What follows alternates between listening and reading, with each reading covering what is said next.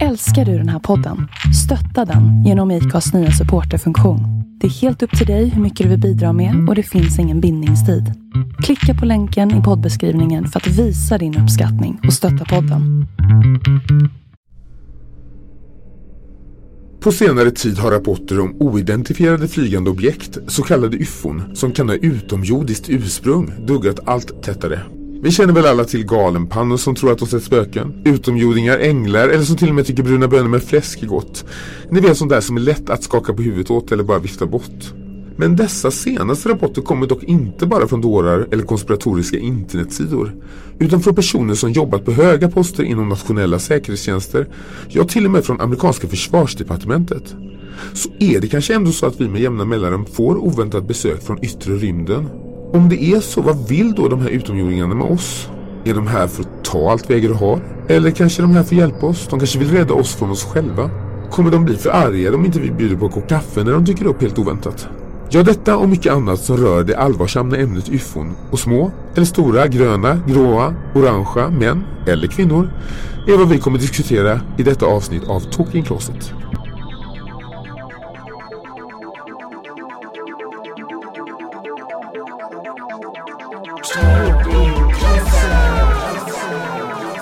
En podcast inspelad i en garderob någonstans i Stockholm.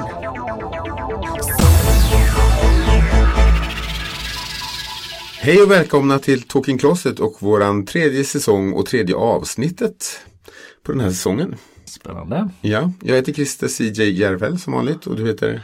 Jag heter Patrik Gren och sitter här bredvid. Och idag ska vi prata om sånt som man inte brukar prata om.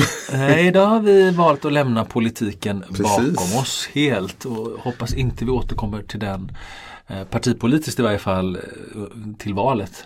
Nästa år är det väl? För en till valet menar du? Ja, vad sa jag då? Vi kommer tillbaka, för, vi kommer tillbaka till valet. För en till valet. Eh, Börjar bra. Mm, ja. Eh, jag hoppas inte vi kommer tillbaks till det förrän nästa val, nästa år. Ja, då har vi bestämt det. Eh, mm.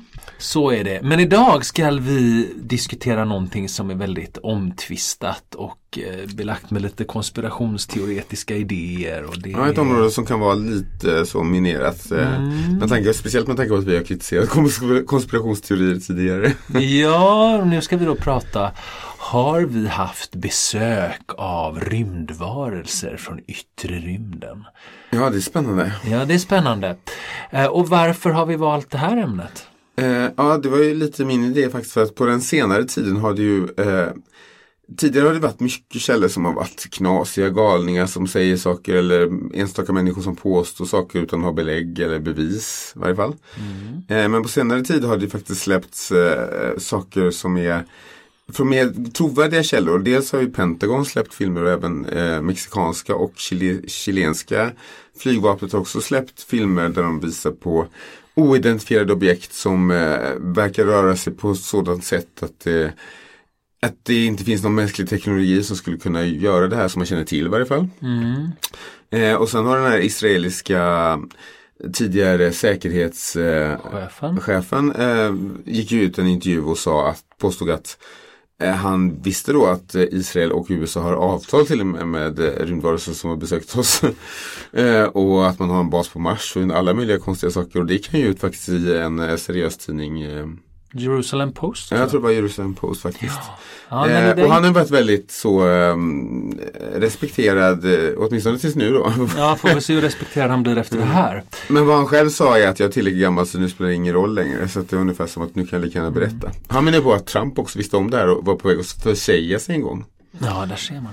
Men det, det kretsar ju mycket kring ufon och en typ missförstånd när det gäller ufo är ju just att det skulle handla om eh, besök från yttre rymden. Men ufo är ju egentligen bara oidentifierade flygande objekt och har egentligen ingenting med utomjordisk utan det kan ju vara Behöver en, inte ha det fall. Nej, det kan ju vara eh, vapen från en eh, annan makt eller någonting sånt som är helt jordisk. Eh, Ja, det som- mm, Både Pentagon och de här mexikanska och chilenska flygvapnet eh, har filmat, som sagt, det rör sig på ett sätt så att det inte är djur och att det kan inte vara det finns ingen mänsklig teknologi som kan få saker att förflytta sig på det sättet och så snabbt och så vidare. Men det skulle ju kunna vara så att Kina eller Ryssland har kommit på något som inte de, alltså som väst, Men då är det ju nästan utomjordiskt ändå. Ryssland är väl ändå på jorden. Ja, fast Kina, ja. Eh, nej, Nej, det kan ju vara något sånt att de har kommit före i teknologin och att de eh, helt enkelt inte har eh, berättat att de har sån Ja. teknologi. Så skulle det kunna vara. Ja.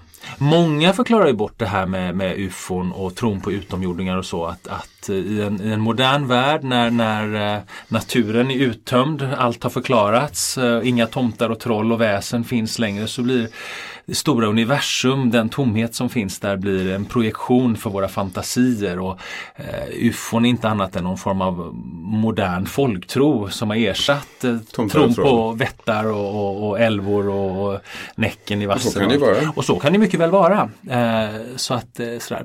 Och Men, det hade ju väldigt uppsving under 90-talet men new age hänger ihop lite med det här. ja, För New age var det mycket. det Mycket ju teorier om ja, och att eh, de här bort- ska hjälpa oss eller vi ska hjälpa dem. Eller, ja, Folk som blev uppförda i rymdskepp Ja, och precis. undersökta på olika sätt och så. Men det, ihop, det hänger ihop med en new age, något religiös idé om liksom vår, Att syftet med vår framtid och sådana saker.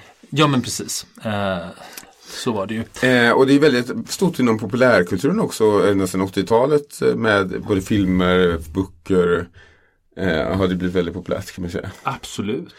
Eh, om- vi tänker på E.T. och eh, Närkontakt av tredje graden heter de. Ja precis. Eh, och där är det uppdelat i två delar ofta. Antingen är ju de här aliens då som i, eh, vad heter han, Spielbergs filmer är ju ofta snälla, här för att hjälpa oss eller snälla i varje fall. Eh, sen finns det den andra delen där man målar upp besök som är i stort sett invasion liksom. Om vi tänker på Independence Day eller eh, Världarnas krig och sådana saker.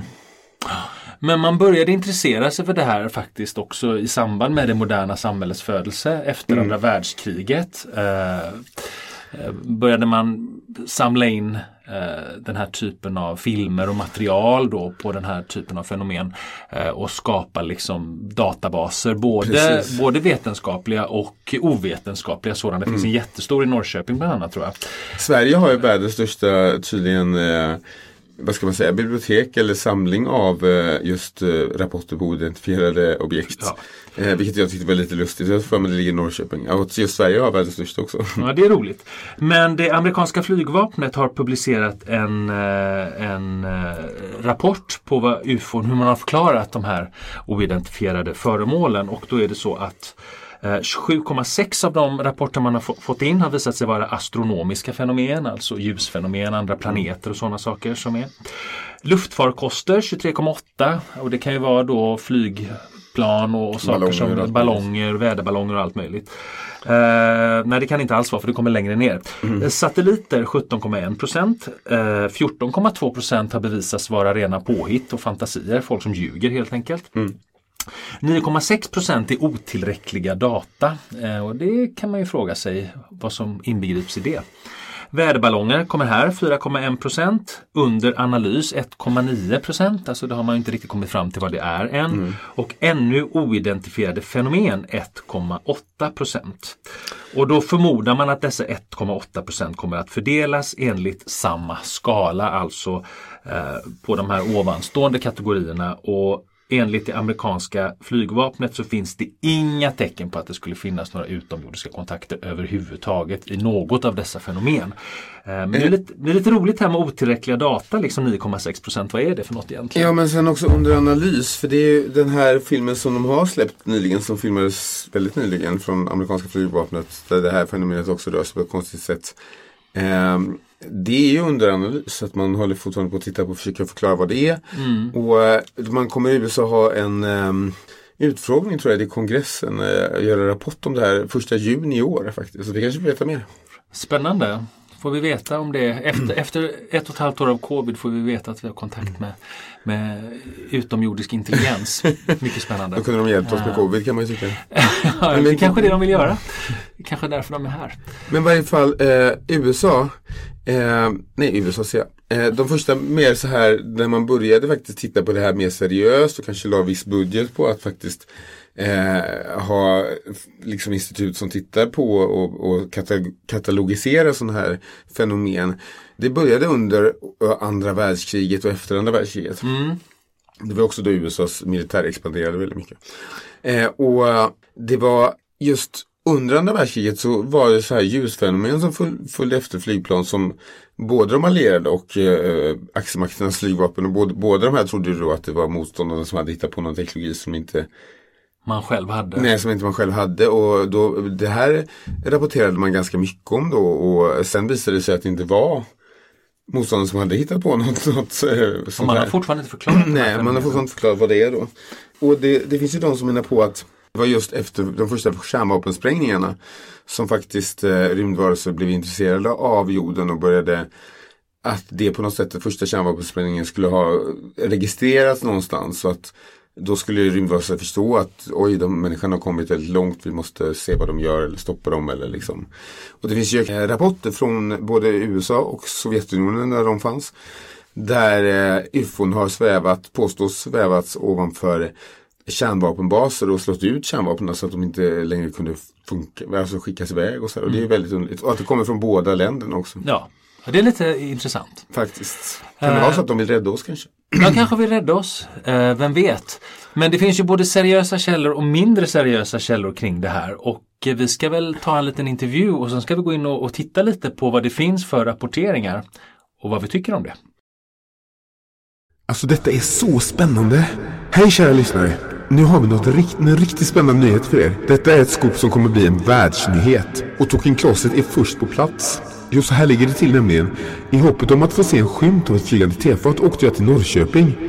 Där inte bara Sveriges utan världens största UFO-arkiv ligger. Och vi på Tåget Closet tänkte ju så här att var skulle man kunna se ett UFO om inte i närheten av ett stort UFO-arkiv? Så vi åkte, eller jag åkte dit rättare sagt och vandrade runt där i skogarna för att få se skymten av ett UFO. Men nu kan jag berätta för er att något ännu mer spännande än det hände. För när jag stod där mitt i skogen och tittade upp mot himlen i hoppet om att få se ett UFO så möttes jag av en stark ljusstråle och vips var jag här. Och vad är här då? Jo, här är vad jag tror är mitt inne i ett flygande tefat. Jag är i ett rum som är helt grått. Sexkantigt rum tror jag det är. Ja, sexkanter. Och, och det är helt kalt på väggarna. Det finns ingenting här inne. Det är ungefär som grå aluminium skulle jag gissa. Och, och liksom mitt i det här rummet är det en stor stol, ungefär som tandläkarstol som svävar omkring med massa instrument runt som också svävar. Som trotsar gravitationen. Detta är så häftigt alltså. Och det är inga aliens här eller utomjordingar, vad man nu ska kalla dem för. Men de kanske är i ett annat rum, vem vet? Frågan är vad man, hur man säger vi kommer i fred på utomjordiska. Ja, de borde ju kunna engelska, vad tror ni? De kan ju inte se jorden utan att kunna engelska. Jag ska börja med till känna, vänta lite. Hallå, hallå, är någon här eller? Just engelska var det ju. Hallå, hallå, anyone here? Ja, om, om de inte kan engelska kan det bli lite problem. Vänta, nu händer det något. Ena väggen öppnas. Det måste varit en dörr där. Åh gud, jag kommer få politiskt pris. Jag kommer vinna allt i det här. Jag är den första människan som får intervjua en, en utomjording. Live dessutom. Ja, och nu kliver det in en lång ljusgrå varelse. Och jag kan direkt säga att det här är inget vi har sett på jorden förut. Han ser, ja om det nu är en han vill säga, har två ben, två armar, precis som oss, men han ser ut att vara helt naken och helt utan könsorgan. Och huden är som fiskfjäll ungefär, helt slät. Helt grå, ögonen stora som glasbollar fast utan pupill, utan ögonvita. Det är som att titta rakt in i själen på den här varelsen. Vänta, jag ska försöka få kontakt. Hi, do you speak English? Our listeners would love to hear you answer some questions from us. So, so was, was that a yes? Or can you repeat please? Again, do you speak English? Det här gick ju inte så bra. Men vänta, där kommer en till. Han kanske kan engelska för han går rakt emot mig nu. Hi, your friend do not seem to speak English. What are you doing? No? Stop it. I never said you could touch me. Oh, neither can you. You really need to learn some manners. Stop it. Ah, what are you doing? I can walk myself. Don't carry me. No. Ow. And what is that? What are you doing to me? I'm a journalist. You're breaching the Declaration of Human Rights. Ow! Ow! And what are you going to do with that? No, don't take my clothes off. I don't like to be naked in front of others. No, no, don't do this. No, no. Why tying me to this chair? I don't want to be in this chair. Stop it, stop it. Ow! Ow, is that a syringe? Don't put that into me. Ow! Ow! Oh, I feel drowsy. Oh. Was that all you had? Didn't you have anything new? Oh.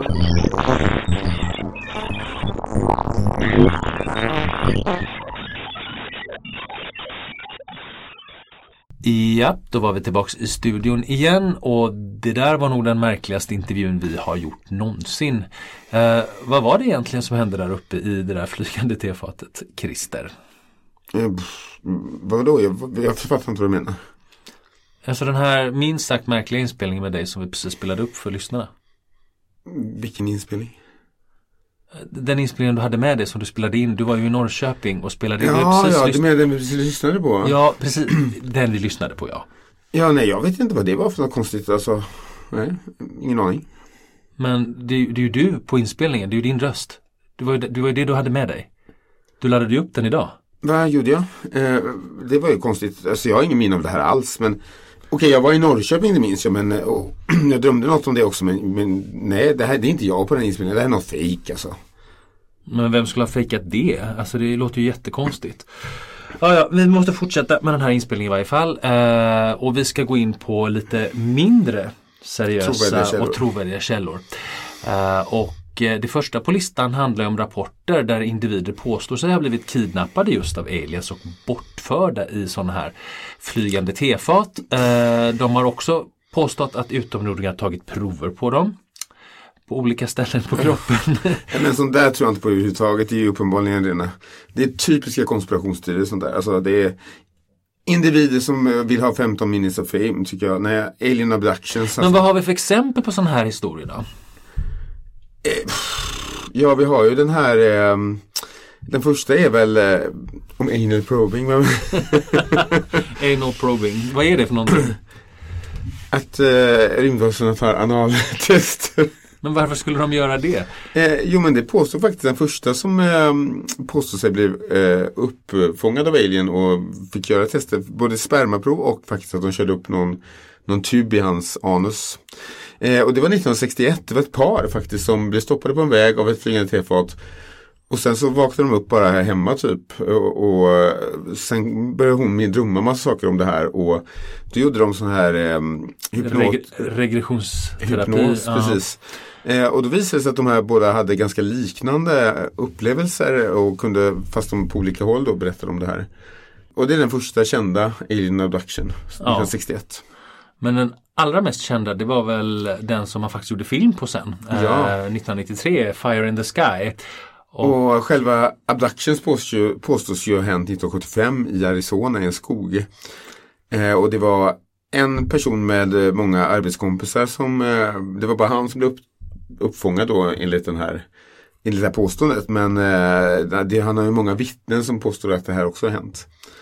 Eh, och det kallas The Walton Experience, men filmen kallas Fire in the Sky. och den Mm, var det. 1993. Den har du sett sa du? Den har jag sett. Det är en mycket, mycket spännande film även om hela historien verkar som vi säger extremt osannolik. Ja, den är sätt. mindre seriös. Mycket motsägelser i den här historien också som inte riktigt stämmer. Liksom att det, det... Ja, man gjorde ju sån här, eh, vad säger man, eh, Lungdetektortest. på de här och de, alla utom en klarade sig igenom det och den som inte klarade det var lite, det var inte att, säkert att han ljög men det var inconclusive så att säga. Eh, men eh, de som eh, kritiserar det här i, menar ju på, för det första var det här tydligen personer som var intresserade och sånt här och höll på och letade efter sånt här redan innan. Och eh, att de hade väldigt dålig ekonomi, de hade något jobb som inte hade funkat och att det här skulle vara ett slags hoax för att tjäna pengar och de tjänade ju pengar på det också. Ja, de tjänade väldigt mycket pengar. Det blev till och med. Hollywoodfilm av det. Liksom. Ja, Så att, eh, precis. det var ett väldigt lyckat, eh, en lyckad hoax, ett lyckat skämt i så fall. Men Ja. vi får nog sluta oss till att det här faktiskt bara var ett påhitt. Ja, troligtvis. Faller, Väldigt troligt. faller under kategorin påhitt enligt amerikanska flygvapnet. Ja.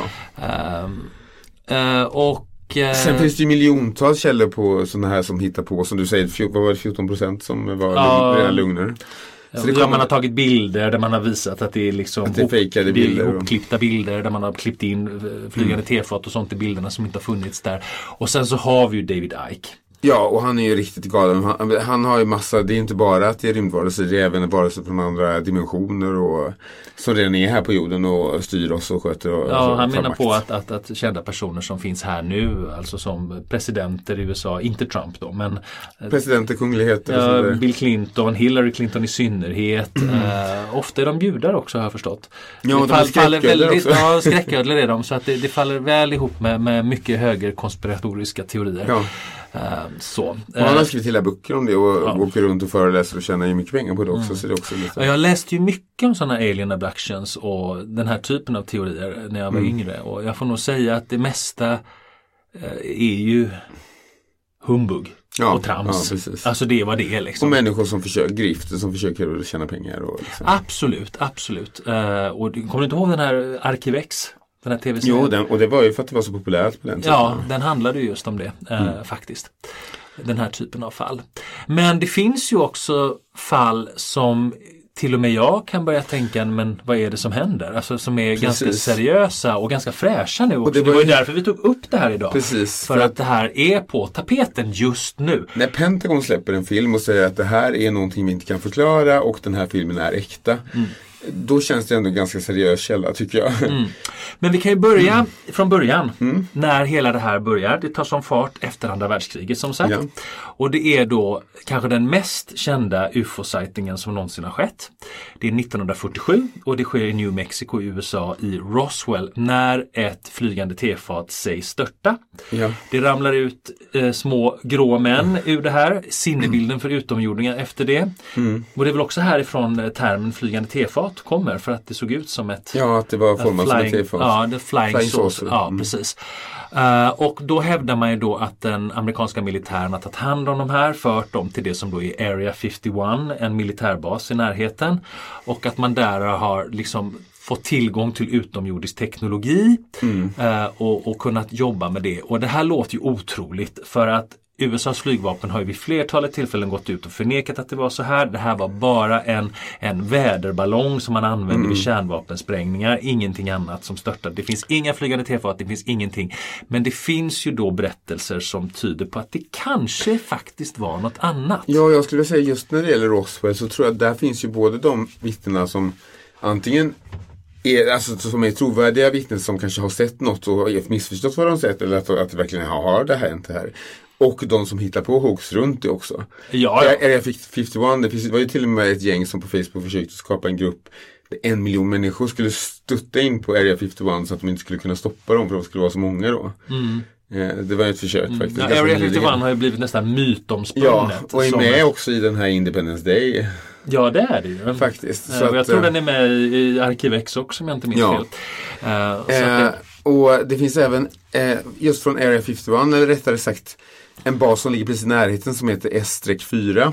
Mm. Eh, och där finns ju ett vittne som påstår sig då eller han har väl jobbat där tror jag. Eh, ja, det, tror jag att det är bekräftat. omdebatterat eh, kanske. Men ja, vi säger att han har jobbat där. Eh, som, och han, han är fysiker och han har jobbat då som han säger att han plötsligt insåg en dag när han fick komma djupare in i den här basen att eh, det här var teknologi som var, måste vara varit utomjordisk och att han skulle då hjälpa till att figurera ut baklänges hur det här fungerar för att vi skulle kunna använda det själva. Ja, Okej, och det var Bob Lazar. Bob Lazar. Bob Eh, Lazar. och han är visserligen omdebatterad men eh, det finns vissa konstiga saker med honom också. Att, för att han det är många som säger att han bara ljuger, hittar på det här och att det inte stämmer. Men sen eh, då har också försvunnit, han har, ska jobba på ett ställe, då finns inga... De, Inga- nej. de säger att han aldrig jobbat här men sen när man går till gamla telefonlistor så visar det sig att han har det. Eh, ja, så det stämmer inte. Nej, Eh, och då är när han säger att, att de har plockat bort att jag, det, här är bara för att de ska liksom, kunna förneka det och sen så visar det sig att man hittar bevis på att han har jobbat och de förnekar det, då blir det väldigt konstigt. Det blir väldigt konstigt och det han säger är ju ganska intressant för han säger att han Mm. har hittat någon form av, av, av, av antigravitationsgenerator. Ja. Alltså det är byggt på ett grundämne som inte ens finns på jorden. Nej men precis. Eh, och eh, att det är det här som gör då att rymdfarkosterna kan på något sätt böja rumtiden och färdas Extremt snabbt genom rymden. eller? Ja, och ta väldigt långa sträckor på väldigt kort tid. Ja. Ja, på nästan ingen tid alls. Ja. Faktiskt. Och det är också därför då de här rymdfarkosterna kanske upplevs röra sig så märkligt i luften. Ja, att de, att de, De kan... friställda någonstans från gravitationen. Precis, att de kan leka med den lite grann och utnyttja den på olika sätt antagligen. Ja, så att den var stor som en fotboll, tror jag, den här lilla Ja motorn. men precis. Och han lyckades då inte figurera ut hur den fungerade. Men det är en ganska intressant teori liksom. Ja precis och grejen var att han pratade om det här ämnet innan eh, det ämnet, eh, alltså man visste inte ens att det fanns det ämnet. Och jag vet inte vad det hette nu, ska vi se. Eh, grundämne 115. Men sen efter han har pratat om det här har man ju lyckats faktiskt skapa det även om det föll sönder ganska snabbt. Men ja, det sån har man här- ju använt som intäkt för att han ljuger. Att det gick inte att Nej, för det här ämnet finns inte och sen har- man artificiellt kunnat skapa det i någon sån här supercollider eller Ja, ja, det är på CERN. Ja, laboratoriet i precis. Schweiz tror jag. eh, Så att det, då visar det sig att det här ämnet kan finnas. Men det faller sönder väldigt fort. Och han säger att det beror på att det är på jorden. Och att det kräver en annan Ja, och för det, även, du kan även skapa andra ämnen som beroende på, eh, jag vet inte exakt kemi så, men eh, som faller sönder. Eller du kan skapa det på ett sätt som är så att det gör att det inte faller sönder. Mm. Så sådana ämnen finns ändå. Ja, det är intressant. Och, Eh, och han är ganska trovärdig i sina intervjuer. Vi har tittat på lite intervjuer. Ja, han är väldigt trovärdig faktiskt. Så är, han, är han en lögnare? Han är en duktig lögnare. Väldigt duktig. Väldigt, väldigt. eh, Men det finns, ju, det finns ju psykopater som kan sånt där. Och nu i oktober 2017 hände något spännande i vårt eget solsystem. Vad hände då? Ja, det är ett objekt som eh, passerade solsystemet från ett annat solsystem. Eh, och som har form och stil att röra på sig på som inte alls stämmer överens med något man tidigare har sett. Eh, Det på, liknar inte någon annan asteroid på något sätt. Nej, och den har väl inga gaser och så vidare. Oma, Oumuamua kallas den. Ja, Eh, och då är det vissa, där är också vetenskapsmännen bråkar då, men det är seriösa forskare då som vissa säger att det här är troligtvis alien, är ett liksom utomjordisk teknologi, kanske ett, ett gammalt skepp som har övergivits eller en prob. Eh, Medan andra menar på, nej nej det är bara naturligt. det är en vanlig asteroid. en- Fast den rör Mm. Formad sig. annorlunda. Ja, fast vi kanske inte känner till just den här typen av asteroid. Nej. Vi har inte sett det förut. Men det är ett naturligt fenomen. Precis. Ja. Och sen då kanske det mest märkliga av allt. Det var väl när Ja. Haim Eshed. Precis, Haim Eshed som är, eller var israelisk säkerhetschef. Eh, gick ut i den här intervjun med eh, Jerusalem Post. och sa att eh, han visste att eh, USA och Israel har kontakt med aliens, man samarbetar med dem och till och med har en bas på Ma- Mars där man forskar tillsammans. Och det här, det är just, han är ju väldigt seriös och var väldigt jätterespekterad person inom den här säkerhetstjänsten. Åtminstone tills nu då. Ja. Vi får väl se hur respekterad han Jag kommer att tänkte bli ju säga efter. det, han var väl det, hade jag, vad det han sa, hade jag sagt det här för 15 år sedan så hade de spärrat in mig på ett mentalsjukhus. Får Mm. väl se om han blir inspärrad på ett mentalsjukhus nu istället. Ja, men han sa också att jag är så gammal nu spelar ingen roll. Typ. Han, jag tror han är 78 eller något sånt här. Så att eh, det kan ju också Men det är väldigt konstigt att så, antingen har han fått snurr på äldre dagar. Eller så eh, har han på äldre dagar känt att jag tänker gå ut med det här. Nej. Eh, för han vet att det stämmer. Så, så det kan vara antingen eller. Mm. Men han påstod också att Trump visste det här och att Trump var på väg att försäga sina tal. Att det nästan Mm. hade hänt att Trump skulle ha försökt sig. Eh, vilket också är lite eh, extremt kanske ironiskt, jag vet inte. Och slutligen har vi den här, de har jag nämnt flera gånger nu. Ja, den här Pentagon. videon från Pentagon som har släppts nu alldeles nyligen och som håller på att utredas. Där Ja. man ser dessa märkliga fenomen Ja. som faktiskt rör sig oerhört Konstigt och snabbt. konstigt och Jag har snabbt. även sett faktiskt en video inspelad från mexikanska luftförsvaret där eh, också den här farkosten eh, varierade mellan att åka under vatten och över hav och också på ett sätt som att en vanlig farkost skulle krossas mot vattnet om den dök så snabbt. Men Ja. inte den här inte. Nej, det det är, antingen är det utomjordingar eller så är det kineser. Ja men precis, eller vissa kanske, eller vem vet, nordkoreaner. Ja, kanske nordkoreaner, vem vet? Jag tvivlar på det i. Eller iranier. Ja. Men eh, i varje fall, och eh, första juni får vi kanske med, veta mer om, eh, om inte kongressen hemligstämplar den här utfrågningen. ja, vi får väl Det se. kan väl det hända också. På. Ja, det Men har spännande. Ja, precis. Så får vi se. Även om det här med ufon är en relativt ny företeelse. Eh, efter andra världskriget har vi pratat om mest nu. Så har man ju på senare tid börjat läsa om saker i våra historieböcker också och kommit på att eh, rymdvarelser kanske har besökt jorden långt, långt tidigare än vad vi kunnat ana. Och det ska vi prata mer om efter Precis. våran väderleksrapport.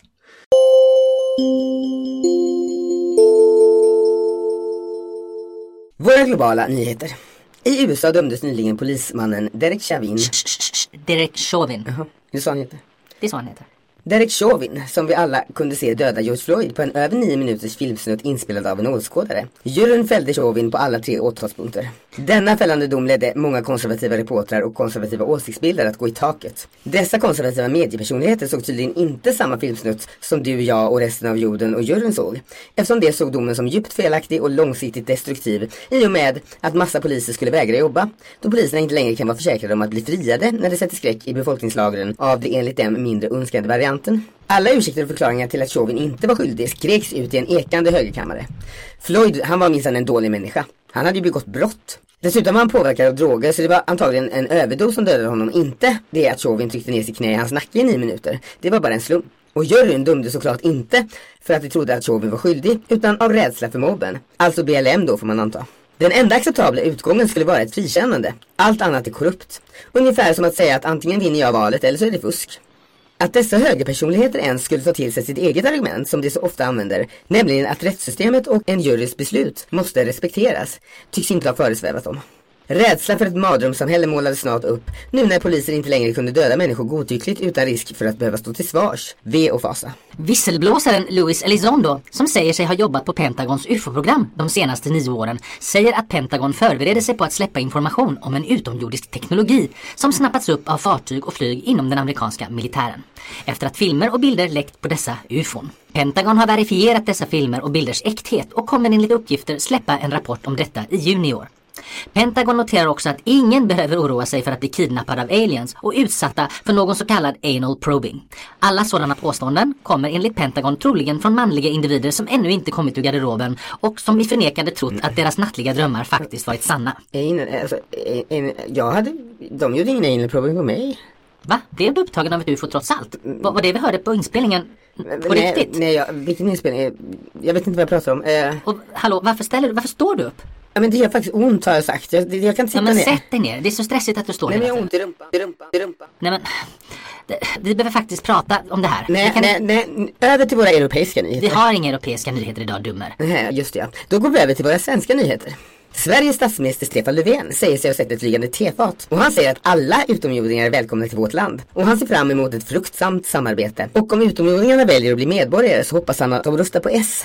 Kristdemokraternas Ebba Busch Thor påstår sig också ha sett detta tefat flyga över vad som snart kommer bli hennes nya strandtomt. Och hon ställer sig frågan om Jesus kanske är medresenär på tefatet.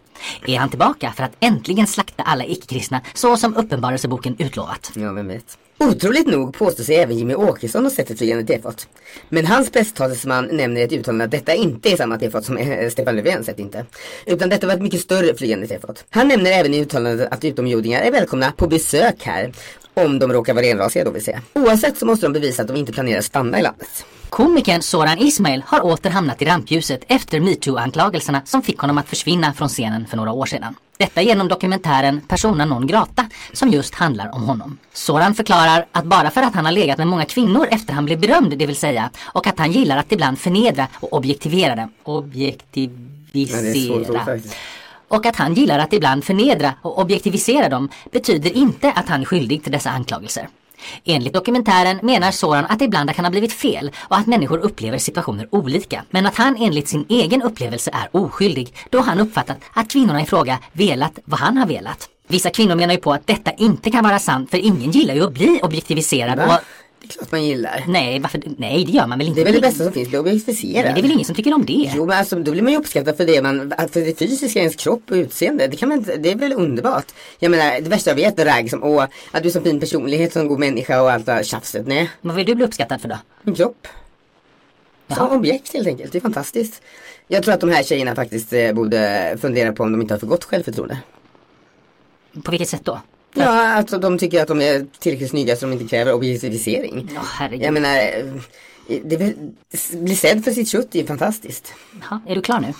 Jag får väl vara det, men jag skulle gärna ha ett brandtal i ämnet glädjen i att få bli ett objekt.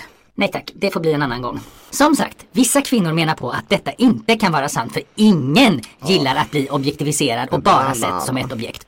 Soran hoppas på comeback som komiker med denna nya dokumentär, men det kan bli svårt. Våldsbrott, ja till och med grov misshandel mellan män kan ge förövaren en andra chans, men anklagelse om brott av sexuell karaktär, det är oförlåtligt. Se bara på Paolo Roberto. Ja, men vem vet? Soran har ju trots allt stöd av komikerkollegor som inte vill veta vad han har gjort men som ändå vill hjälpa till.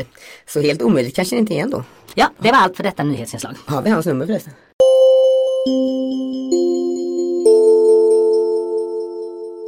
Då var vi tillbaks efter lite diskussion i väderleksstudion Ja. där för en gångs skull. Det händer ibland. Ja, det gör det. Eh, vi har pratat om ufon, vi har pratat om vad som har hänt efter andra världskriget som en modern folktro eh, och om det här är på sant eller inte sant. Eh, det finns ju väldigt mycket mytbildning kring det här men också vissa små saker som faktiskt är ganska intressanta. Ja, precis. Men vi har också tittat lite på historiska dokument. För att framförallt under 90-talet började man ju titta mer på eh, saker som har hänt för länge sedan och kan det här ha hänt långt tidigare? Historier, bilder och så vidare. Ja.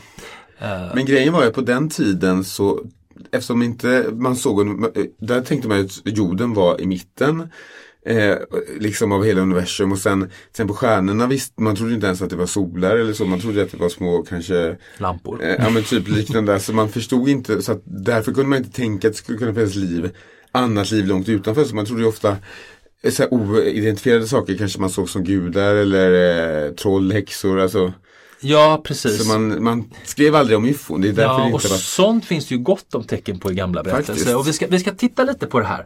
Jag kommer ihåg när vi var i tonåren tror jag. Mm. Så var vi på museum, men det var på Naturhistoriska i Göteborg. Det kanske det var. Ja, och då gick vi igenom, hittade vi bilder på en ursprungsbefolkning, jag tror det var i Latinamerika. Jag för mig det också. Eh, Där eh, de här eh, dansade i någonting som liknade rymddräkter väldigt mycket.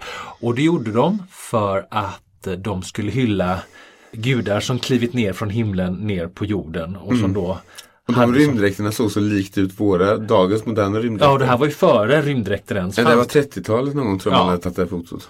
Och det är ju lite roligt. Eh, Men vi kan gå ännu längre tillbaka än så. Absolut. Eh, för jag menar eh, redan eh, 19... Ja, vi, först kan vi gå tillbaka ända till Egypten för att på vissa hieroglyfer och bilder så, där, så ser vissa saker ut som rymdfarkoster. Och Som med brer och stjärnor som är- hattar. Ja, och som stjärnor under och alla möjliga konstiga varianter. Och det, det är ju väldigt underligt. Plus att det finns ju sådana här eh, saker som de här som du pratar om, Nazca-linjerna. Nazca-linjerna eh, i eh, Latinamerika, alltså stora linjer inristade i berget tror jag. Mm. Som är så stora så att de bara kan ses från rymden. Alltså de kan alltså inte ses från marken. Nej, Man precis. måste vara uppe en bra bit i luften för att kunna se dem. Då kan man undra vem gjordes de här för? Liksom? Ja, för det de var långt de- innan de kunde flyga som gjorde dem. Ja precis och sen kan vi gå tillbaks till det här med Egypten då. Är deras mytologi. Mm. De har ju gudar som ser väldigt väldigt konstiga ut med konstiga huvuden och ögon och så här. Och, Mm. och där sa man just att de hade klivit ner. De kom från Orion, alltså från en annat stjärnsystem då. Mm. Det visste man inte då att det var ett annat stjärnsystem men de kom från de här stjärnorna. Klev ner i, i farkoster och lärde människorna att läsa och skriva och odla marken och göra sådana här saker.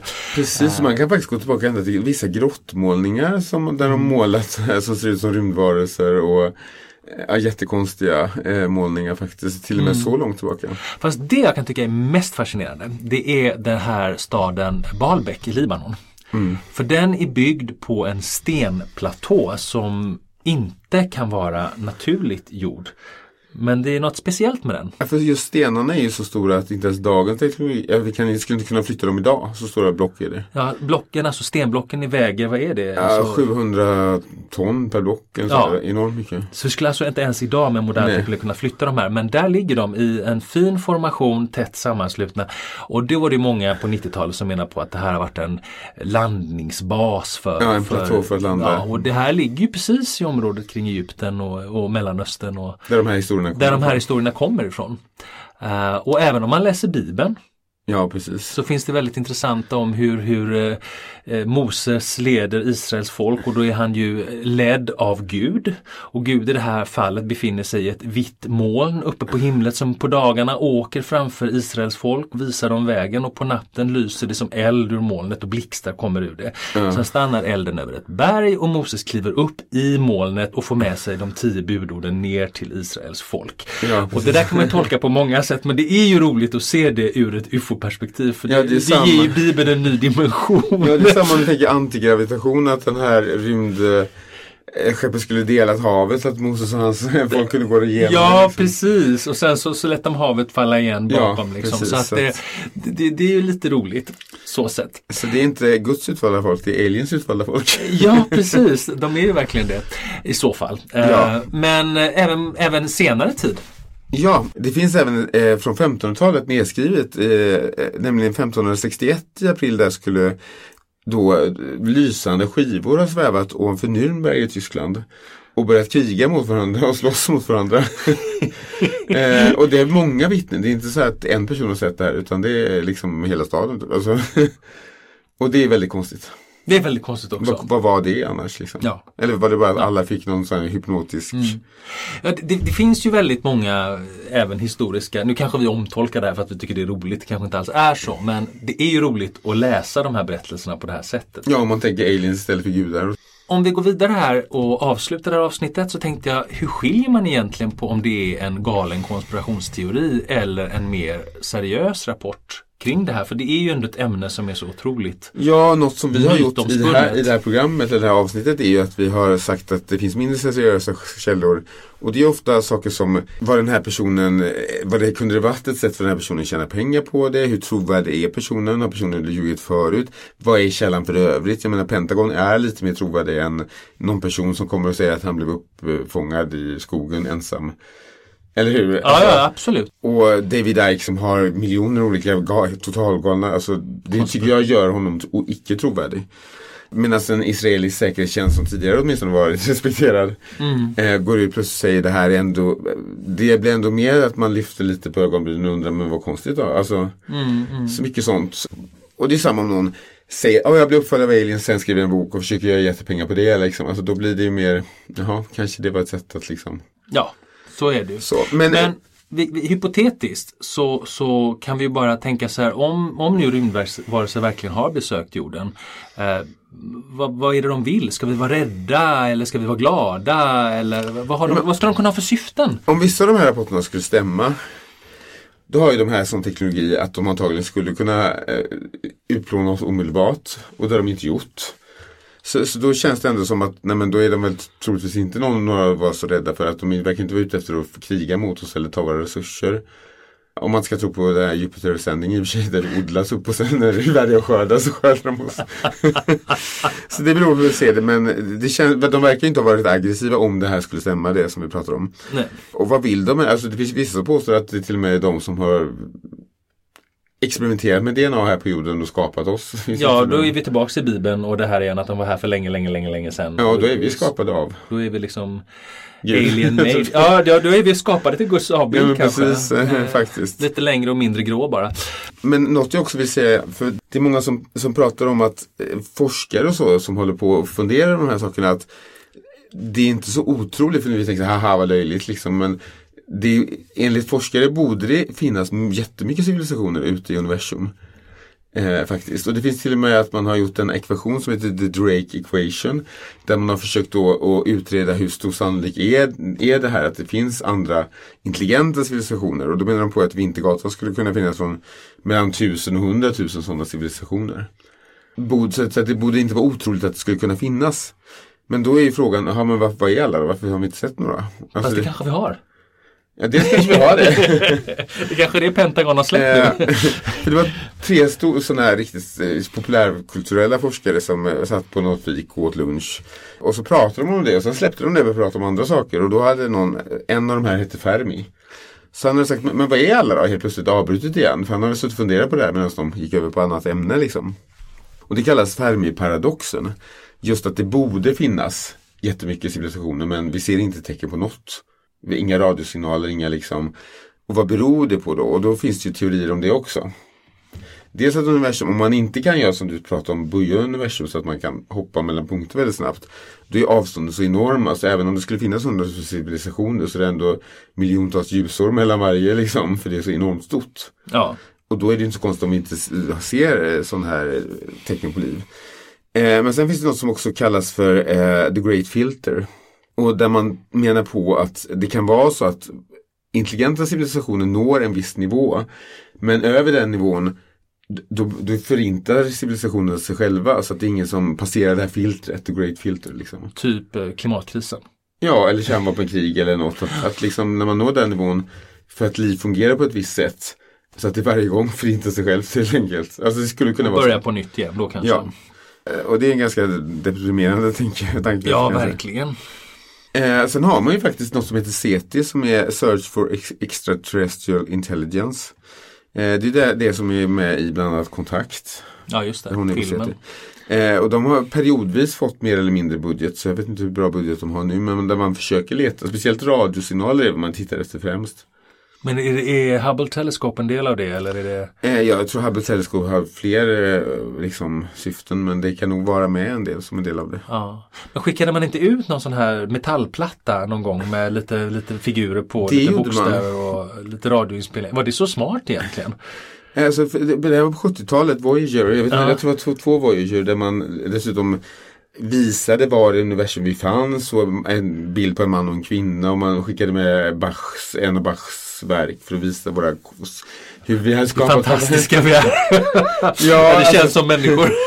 guldplattor och exempel på våra språk och sådana grejer. Men det är ungefär som, här är vi, det är bara att komma och ta oss. Alltså, Ja, jag tänkte just säga man förutsätter tror- att den som hittar det ska vara en vänlig då. Ja, det är, ju, det är ju väldigt bra i och för sig men någonstans kan jag känna att man försöker visa sin överlägsenhet genom att visa sin underlägsenhet. Ja, Lite ja och visa grann så. var, man verkar ha försökt genom hur universum ser ut, the Milky Way, liksom, man försöker visa var in the Milky Way vi är. Vilket jag tycker är, mm, ja kanske inte jättesmart.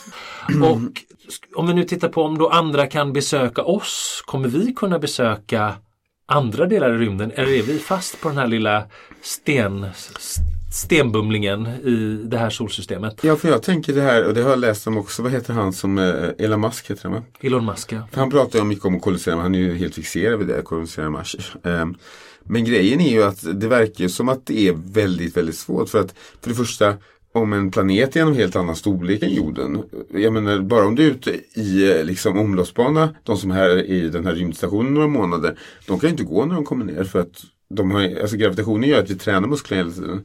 Så om du har mycket mindre planet, då kommer du antagligen falla ihop här på jorden om du skulle åka tillbaka till jorden. Alltså, vi är biologiskt väldigt knutna till också våra, våra liksom dagar och nätter och eh, årstider och sånt. Alltså, hur kommer våran, och även i rymden är det massa strålning. Jag tror om, bara om man reser till Mars, även om man bygger en jättebra farkost så strålningen som finns i rymden gör ju att de som skulle göra det skulle ha enormt mycket högre risk för cancer till exempel. Så att, eh, många, många saker att övervinna.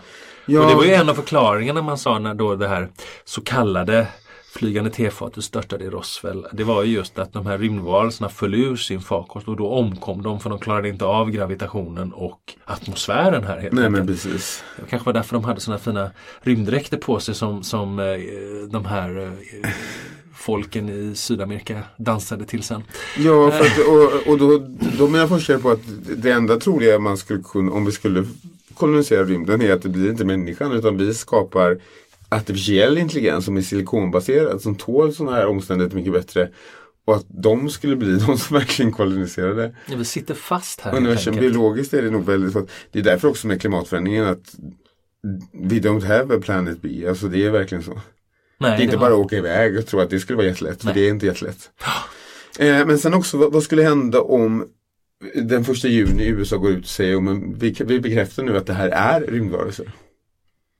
Ja, vad skulle hända då? Alltså, För det skulle vara den har- största ju- nyheten under hela världshistorien. Alltså, Ja, det skulle det vara. Definitivt. Och samtidigt, man vet ju, det har man ju sett då när, när eh, man har koloniserat, när västvärlden har koloniserat andra delar av världen och, och vad man då kallar mer framstående kulturer eller mer utvecklade kulturer. Jag gillar inte den typen av benämningar men man, man säger, vi, vi använder den benämningen nu. Möter mer primitiva kulturer. Att, att de tenderar att gå under. Alltså att det skapar en väldig förvirring och människor mår inte bra för att deras världsbild skakas sönder alltså totalt.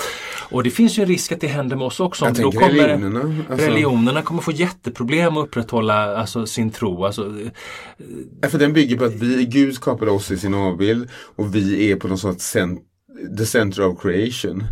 Ja. Om det då finns andra ännu intelligenta varelser då är vi ju inte the center of creation längre. Nej men Alltså, precis. Sen finns det säkert religioner som kommer kunna omtolka det här till sin egen Katolska för. kyrkan har ju gått ut och sagt att de tror att det finns annat liv i universum trots att de brände Bruno när han påstod det då på 1600-talet eller 1500-talet. han blev ju bränd till, till döds på bål då. Men i varje fall, eh, nu påstår de ju att de tror det och de har till och med en plan på hur de då ska förkristna de här som kommer att besöka Ja, de är oss. säkert jätteintresserade Ja, av, av, av att tro på, Ja, på, jag- på Bibeln. Men, men alltså det, det finns ju en fara med det. Jag förstår ju att de inte går ut med det om det nu skulle vara så att de hade sådan kontakt. För att man vet av erfarenhet att, att när människor får sin världsbild sönderslagen så kan det bli kaos. Ja, jag kan tänka mig att det skulle bli panik också att folk skulle börja hamstra produkter och springa ut på landet. Ja, det att så gömma räckte ju med Corona så började folk gå och köpa toapapper. Ja, liksom. men liksom precis. Toapa- du kan säga det, då ska man investera i toapapper direkt.